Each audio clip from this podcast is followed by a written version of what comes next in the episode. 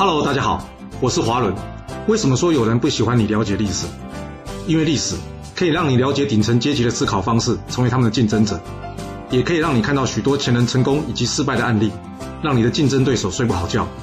而最重要的是，历史可以让你了解人性。我们刚刚在战国第二十四节故事中讲到，这陈整他是如何躲过张仪这小人般的攻击啊？还有就是这楚王的爱妃郑袖，他是如何陷害新人的？这几乎就是我们职场生活中的翻版了不管是老人欺负新人，还是老鸟陷害菜鸟，又或是同事之间彼此放话，其实啊，他们的目的就只有一个，就是要搞到对方走人才好啊，是不是？这些古人的行为到现在也是一幕幕的在我们生活中上演啊，而且古人的争夺啊，有时候比现代更血腥。你不喜欢，我也不喜欢，但不喜欢不代表不会遇上啊。这就像是出去玩。谁会希望遇到下雨啊？但是明明看到天空有乌云，可能要下雨，那你该怎么办？当然是事先带把雨伞呐。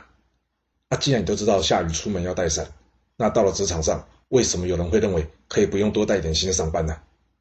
如果你也认同啊，在大概率上，我们在职场上或多或少都会遇到同事之间的勾心斗角，那就还是多少准备一下吧。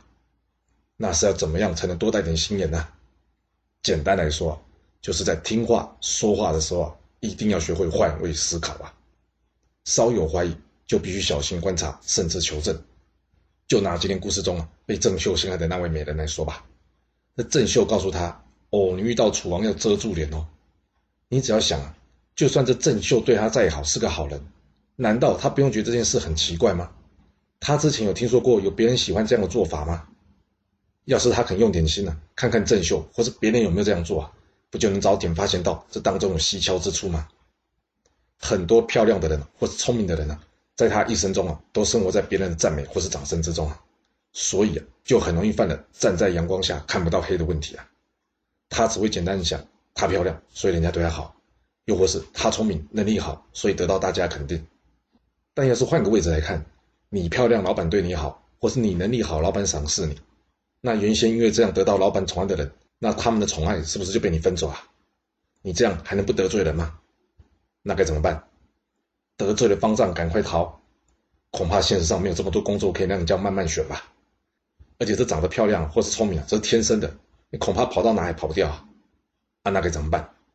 还是那句话，多观察，然后留心注意啊，事出反常必有妖这一点啊。所有的沟通或是策略拟定的前提啊，必须要有充足的资讯。能够充分掌握对方的核心利益或者痛点，才能进行有效的沟通。那要怎么知道对方的痛点或者核心利益呢？其实啊，痛点与利益啊，往往是一个问题的两个面向。比方说，漂亮的人担心别人会比她漂亮，这就是他的痛。为什么？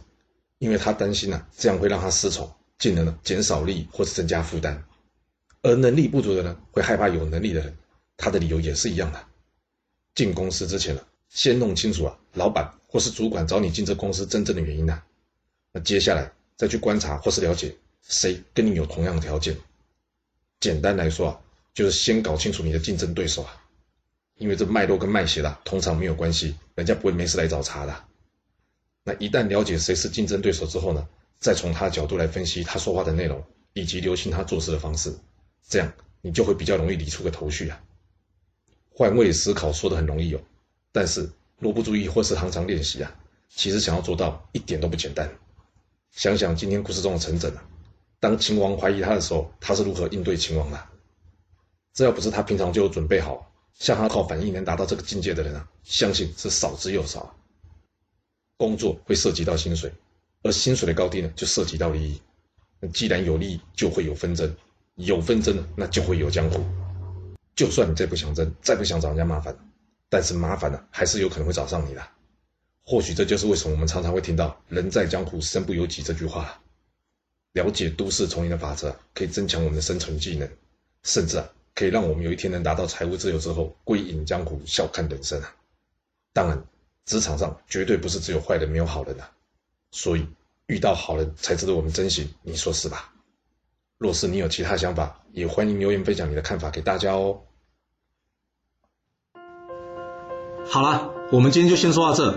若是你想要知道完整版的故事内容，欢迎您可以到说明栏中找到我爱故事频道的连结。要是你喜欢这个频道，还要麻烦您动动你的手指，点赞、订阅、追踪，或是给我五星评价的支持以及留言分享哦。谢谢您来收听，我们下次再见。